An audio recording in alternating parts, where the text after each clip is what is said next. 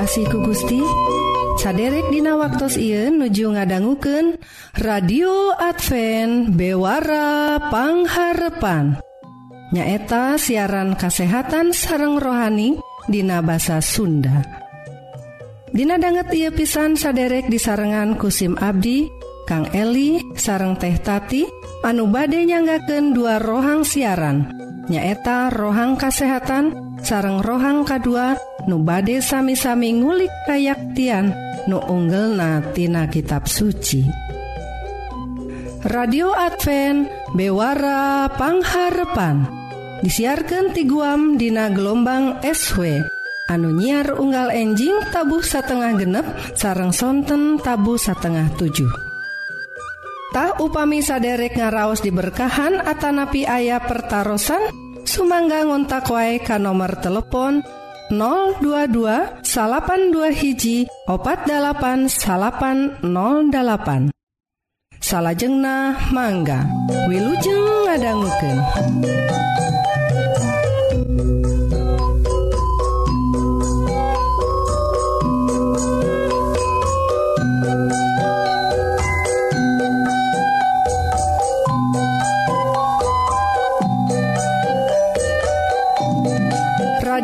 Advent bewara pangharpan saderek Hayu atuh orang pedar rohang nukahiji nyaeta sagala rupa soal kesehatan raga orang wilujeng ngadangguken.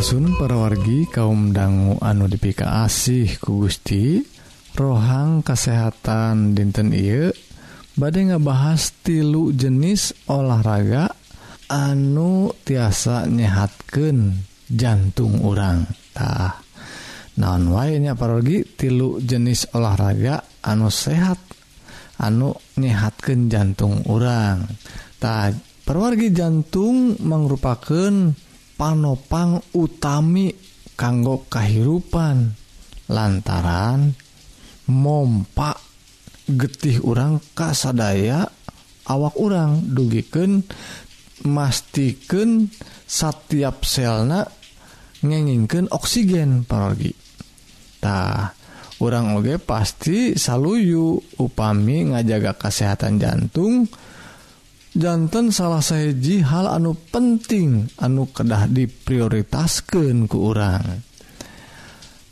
lajeng ningkatkan kesehatan jantung teh tiasa dilakukan dilampahkan ku secaranya caranya pergi senu salah sahijina ngadamel parubahan gaya hirup anu saluyu sareng ngiring nyadiaken waktus kanggo olahraga.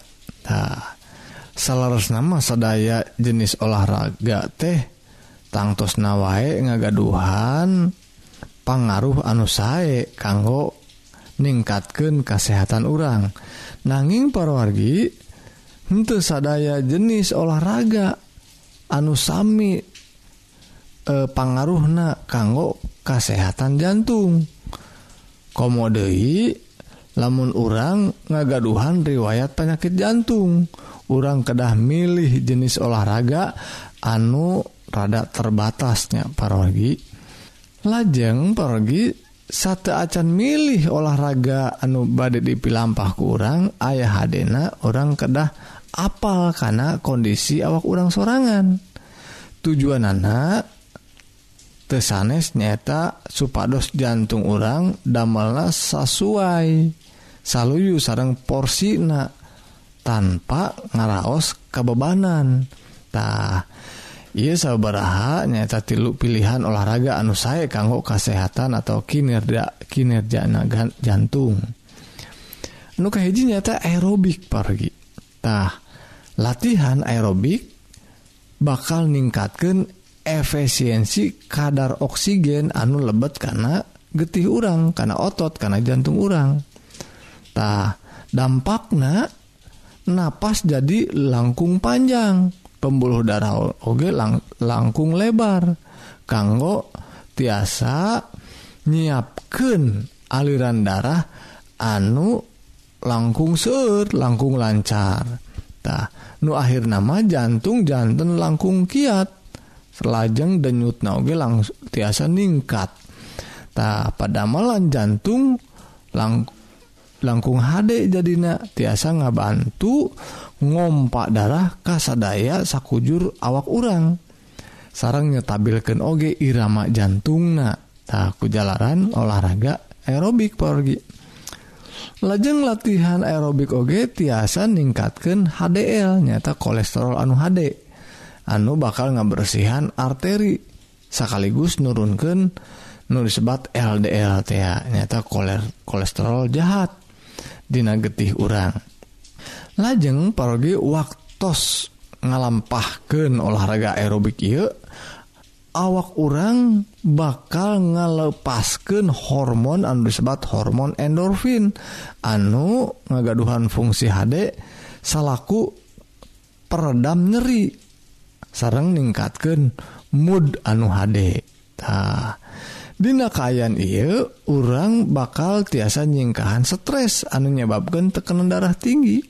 Nyata darah tinggi teh selaku pemicu penyawat jantung perorgitah kanggo ngajaga kesehatan jantung orang tiasa ngalampahkan olahraga aerobik salami minimal 150 menit Tina saminggu na parogi sarang intensitas naoge anu sedeng kanggo hasil anu maksimal mah.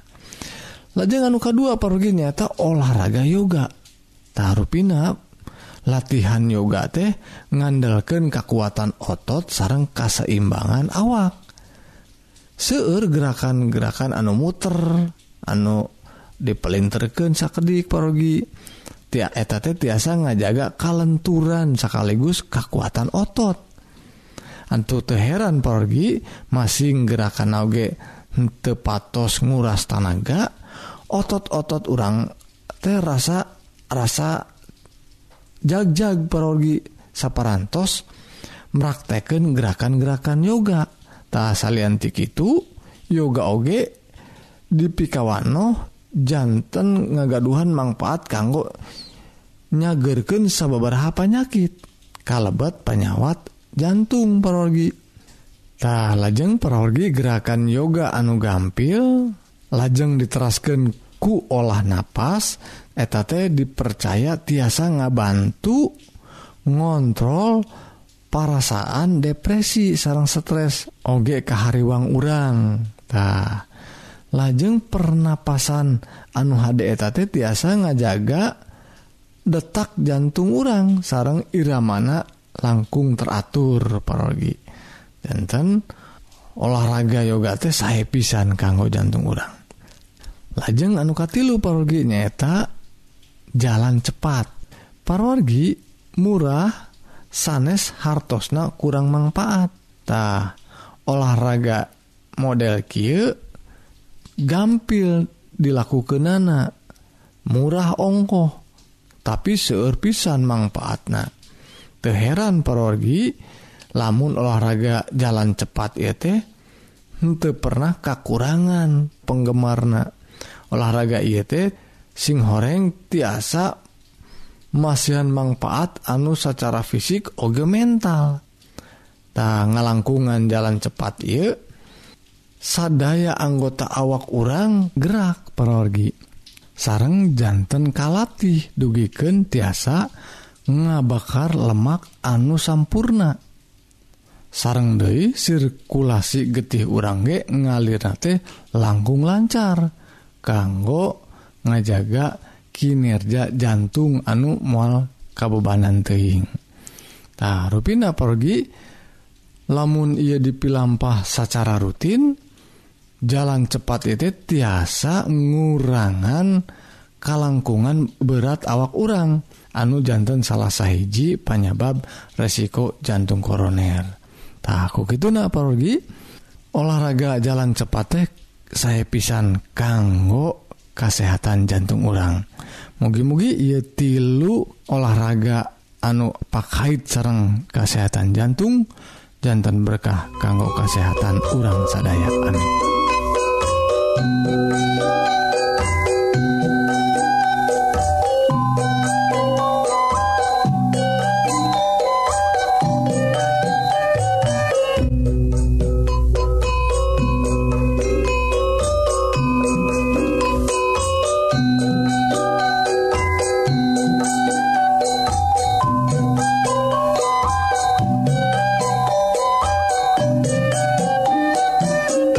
radio Advent bewarapangharpan para wargi nemben kurang parantos sami-sami ngadangguken bewara kasehatan.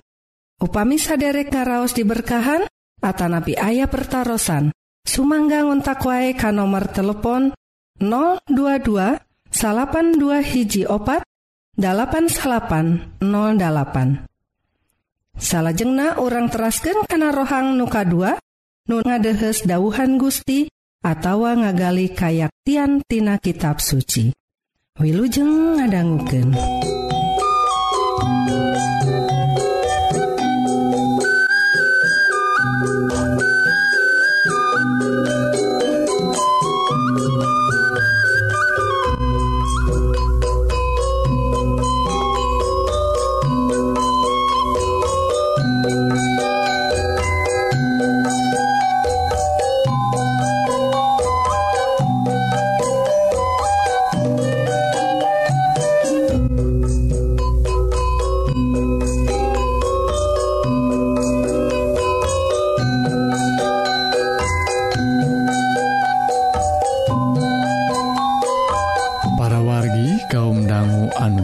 kasih ku Gusti.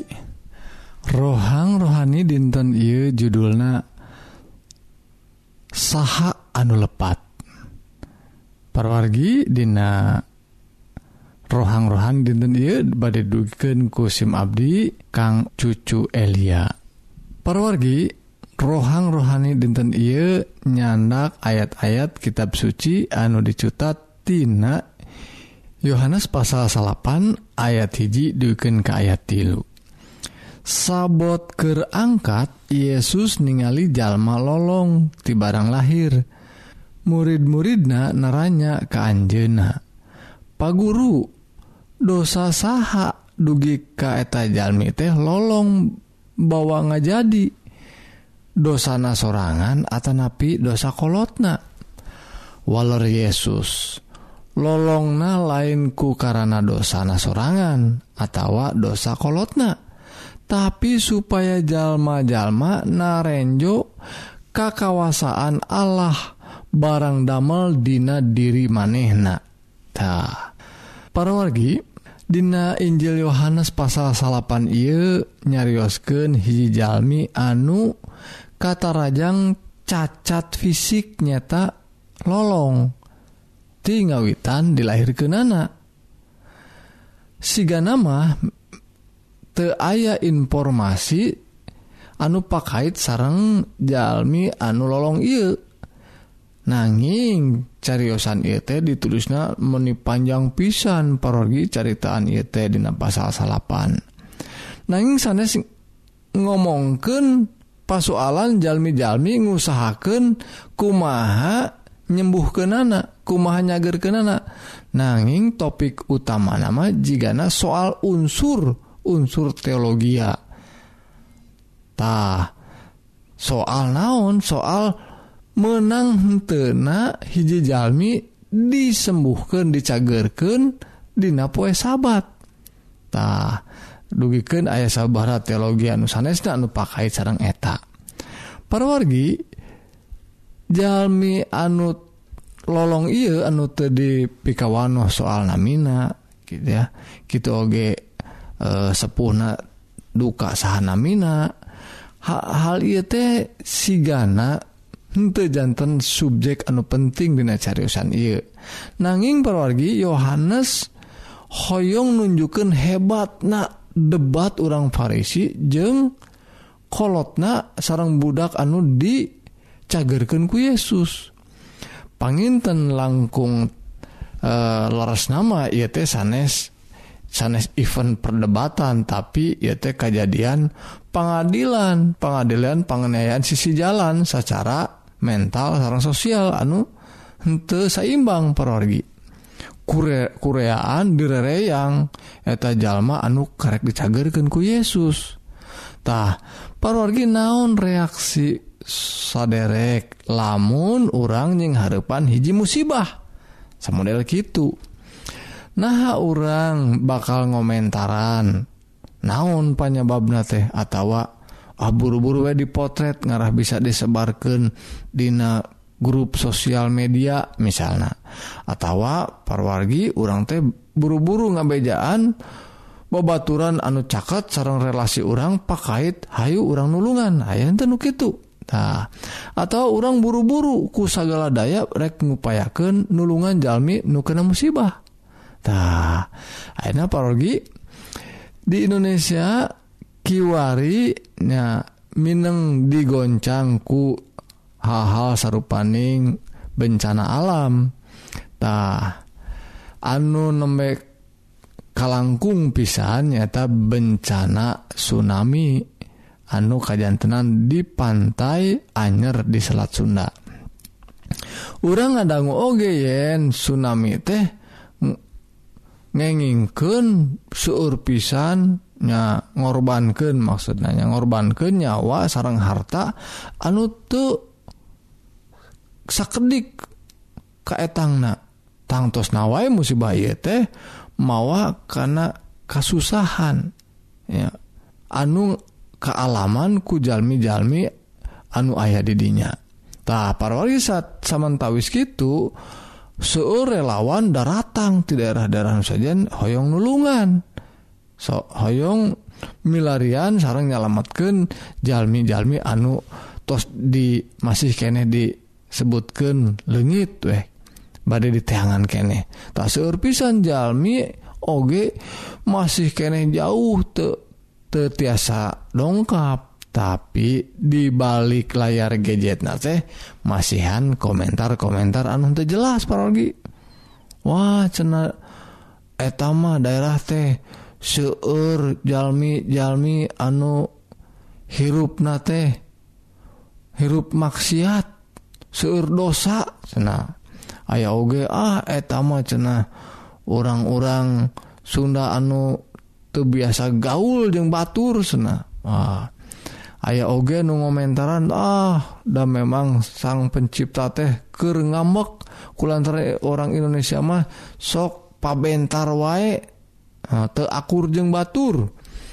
Tak pergi Dina hal ngiring karena pengajaran nu disebatkan Dina Injil Yohanes pasal salapan ia nyata pengajaran anu didugiken ku Yesus ia teh merupakan teguran kanggo jalmi-jalmi nungan komentar wungkul parorgi Ayo orang aos de ia ayat Dina pasal salapan ayat 2 murid-murid na naros tadi tehnya naros na kieu. Pak Guru dosa saha yete duwi ke Jalmi anu long yete teh ngajadi lolong kita saha anu salah. Dosa na sorangan atau napi dosa kolotna. Tak iya pergi waler Yesus din ayat tilu. Lolong nate lain ku karena dosa na sorangan atau dosa na kolotna. Tapi supaya jalma jalma narenjo kekawasaan Allah. Barang damel dina diri maneh nah parwargi Yesus teh masihan jawaban teh pas pisan. Sekaligus ya nyingkirkan harapan anu nanya nyata murid-muridna soal kudu milih salah saja dina pertanyaan maranehna. Atau air mah biasana kudu iya atau kudu itu. Nya kedah milih salah hisahina tapi Yesus mah henteu tiasa dijebak ku kitu. Kulantaran anjeunna nyebatkan yen pagawean. Gusti Allah pada melan Gusti Allah kedah digemlengken dinyatakan Dina kehidupan jalma nubil jalma anu kena musibah paragi lajeng paragi panginten para komentator nu tadi teh mung elehnya ku jawaban teguran Yesus gitu teh. Lajeng nyanggaken Dei pertanyaan nusanesna atuh pada melan anukumaha anu dimaksad gente nah, perwargiku sabab harita mah ayah pamikiran umum pemikiran soal yen jalma anu ngalanggar jalma anu dosa bakal ngadatangkan akibat langsung di dunia I bisa wae narima cacat musibah anu di alaman. kurang tah jantan lamun aya anu kakena musibah aya anu ngalaman jalmat dugiken ka cacat gitu teh pasti ayah dosan anu ageng ka Gusti Allah Nah, parorgi pamikiran sapertos gitu teh masih kene katinggal duikan ke ayeuna oge. Ya.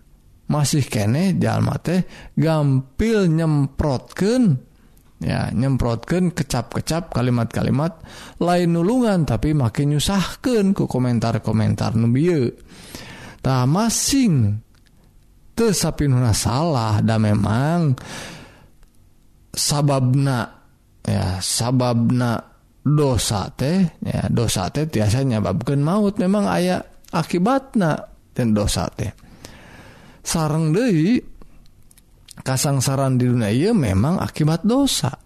Nanging parwargi tetiasa digeneralisasikan Dina segala kasus. Sabab Dina hiji kasus musibah besar Ky teh boh nu jahat boh nu HDG seetik nawae ngalaman kasuhan anusami I naminage bencana alam. Tahu itu naporgi jawaban Yesus tadi nyebatkan yen sanes. Ya sanes kolotna sanes budakna. Tapi pada melan pada melan Gusti Allah kedah diwujudkan Dina kasusah jalmi eta. Nah, perwargi anu sebatkan naon atau nu disebabkan soal nunjukkan atau ngawujudkan pada melan Allah. Tah memang Dinaye saya pasal 28 ayat anuka 20 hiji nyebatkan yen Gusti Allah teh osok oge ya, osok oge milampah perbuatan. Nah, perbuatan ganjil naon perbuatan ganjil teh? Disebabkan Allah ngamuk sana saper, sepertos anu kajantenan di lembah caket Gibeon. Naon disebabkan perbuatan ganjil na teh? eta waktu Allah nunjukkan kawasana. Nggak hukum eta sebat perbuatan ganjil Allah. Tak eta oge pada melan Gusti Allah oge. Tah lajeng anu kedua ya anu kedua nis maksudna ngawujudkan pada melan Allah ternyata nulungan sarang ngusahakan pemulihan kajalmi jalmi anu ngalaman musibah. Tah naon wae tah misalnya tadi mun kejadian bencana alamah orang atau turun langsung masihan bantuan langsung atau langsung ngunjungan nggak besuk jelma anu kakena musibah atau mawa dadaharun tuangan kanggo jalmi anu ngalaman musibah tadi. Atau masihan bimbingan kekuatan ku kecap-kecap anu nguatkan atuh tiasa wae ngumpulkan atau ngagalang dana kanggo jalmi-jalmi nu tak cantiasa nulungan dikumpulkan ke orang tak tiasa oge orang nyarengan ke jalmi-jalmi dina proses mulihkan mental nak sarang sosial tah pergi hal-hal eta nu disebat sarang ngawujudkan pada melan pada melan Allah. Jantan sanes kan ukur komentar debat. ngan ukur debat teologi hungkul hoyong milarian saha anu lepattah nu penting mah Hayu urang damel ngawujudkan pada melan Allah Dina kehidupan orang sade dinten mugi-mugi Gusti ngaberkahan orang sadaya. Amin.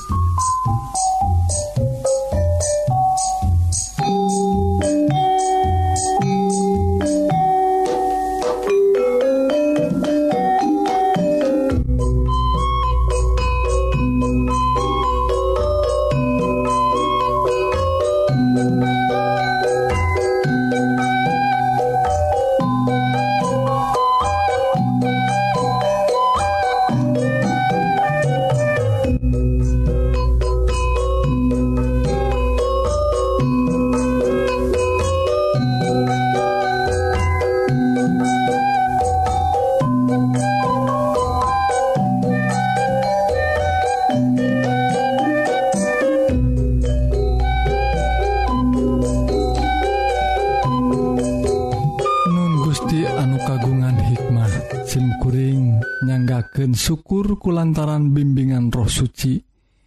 Anu tos nuyun Abdi sadaya dinanalungtik dauhan Gusti. Anu mugi tiasa jantan bibit-bibit kayaktian. Sarang numbuhken iman anu nyalamatkan Abdi sadayatina hukum dosa. Kupangersana Gusti mugi dauhan Gusti anu parantos ka kuping ieu dengan saukur ngalangkung nanging nyayang sarang nyaangan karena hate sarang pipikiran Abdi sadaya. Mugi Gusti oge ngahampura kana dosa-dosa Abdi sadaya. Lantaran pamundut dua ieu di dasaran kujasana Isa Almasih juru salamet dunia. Amin.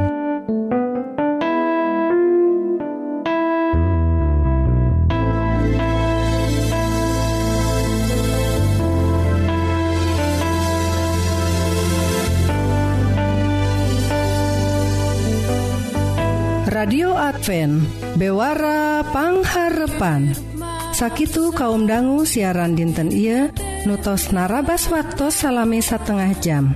Mugi-mugi dua rohang nuparantos didugiken bakaljantan berkah kanggo para wargi sadaya. Sakali Dei upami saderek ngaraos diberkahan atau bilih ayah pertaran sumangga ngontak wae kan nomor telepon 022 82 hiji opatpan08 SIMkuring Kang Eli sareng teh tati pada undur diri. Hatur Nuhun kana perhatsan saderek tepang danggudehi Dina waktu sareng gelombang nusami jadi